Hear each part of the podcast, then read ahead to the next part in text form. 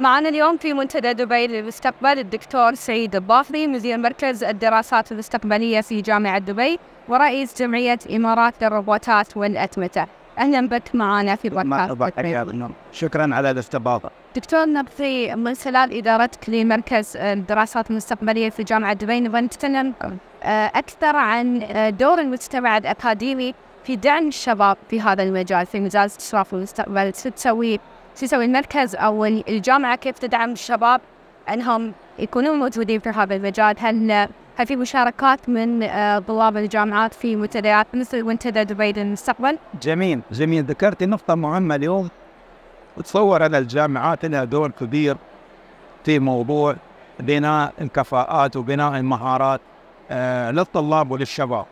والحمد لله اليوم جامعة دبي أخذت المسؤولية هذه أسسنا المركز في 2019 عملنا آه شغلنا يعني مع الجهات الحكومية من من ناحية من ناحية تأهيل موظفين الحكومة اليوم على منهجية استشراف المستقبل. اليوم اليوم نتكلم عن الاستشراف كثير من الناس تظن أن الاستشراف احتراف الذكاء الاصطناعي ولا في تقنية من التقنيات لا الاستشراف يعني منهج علمي وله يعني منهجية يعني نمر فيها وندرب الناس عليها من خلال أن نشوف المتغيرات اللي اليوم تحصل في العالم في الأبعاد كلها. نتكلم عن البعد السياسي نتكلم عن البعد الاجتماعي نتكلم عن البعد البيئي ونتكلم عن البعد التقني.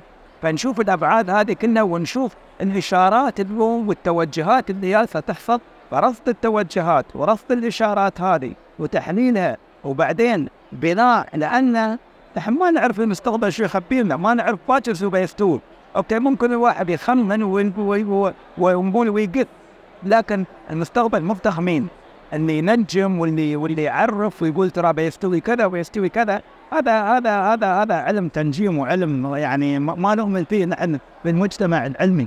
فإذا الطريقة الوحيدة أن نستطيع أن نتجهز للمستقبل ونشكل المستقبل من خلال انه بناء الكفاءات والمهارات هذه في الشباب. والحمد لله قمنا بعديد من البرامج والدورات التدريبية لطلاب المدارس لطلاب الجامعات. عندنا برامج الآن ماجستير في استشراف المستقبل في جامعة Rochester Institute of Technology في دبي والحين عندنا في جامعة دبي نحاول إن شاء الله كذلك نأسس برنامج استشراف برنامج ماجستير في استشراف المستقبل.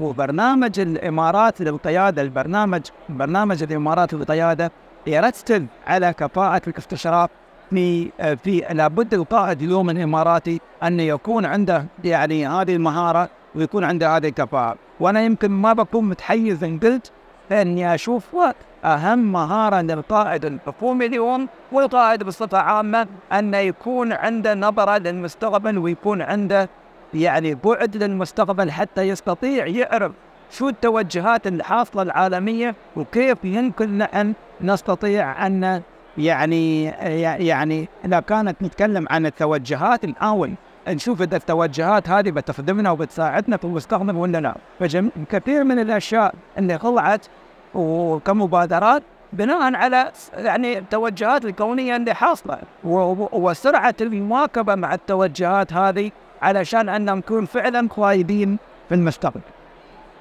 نشكر لك حضورك معنا اليوم.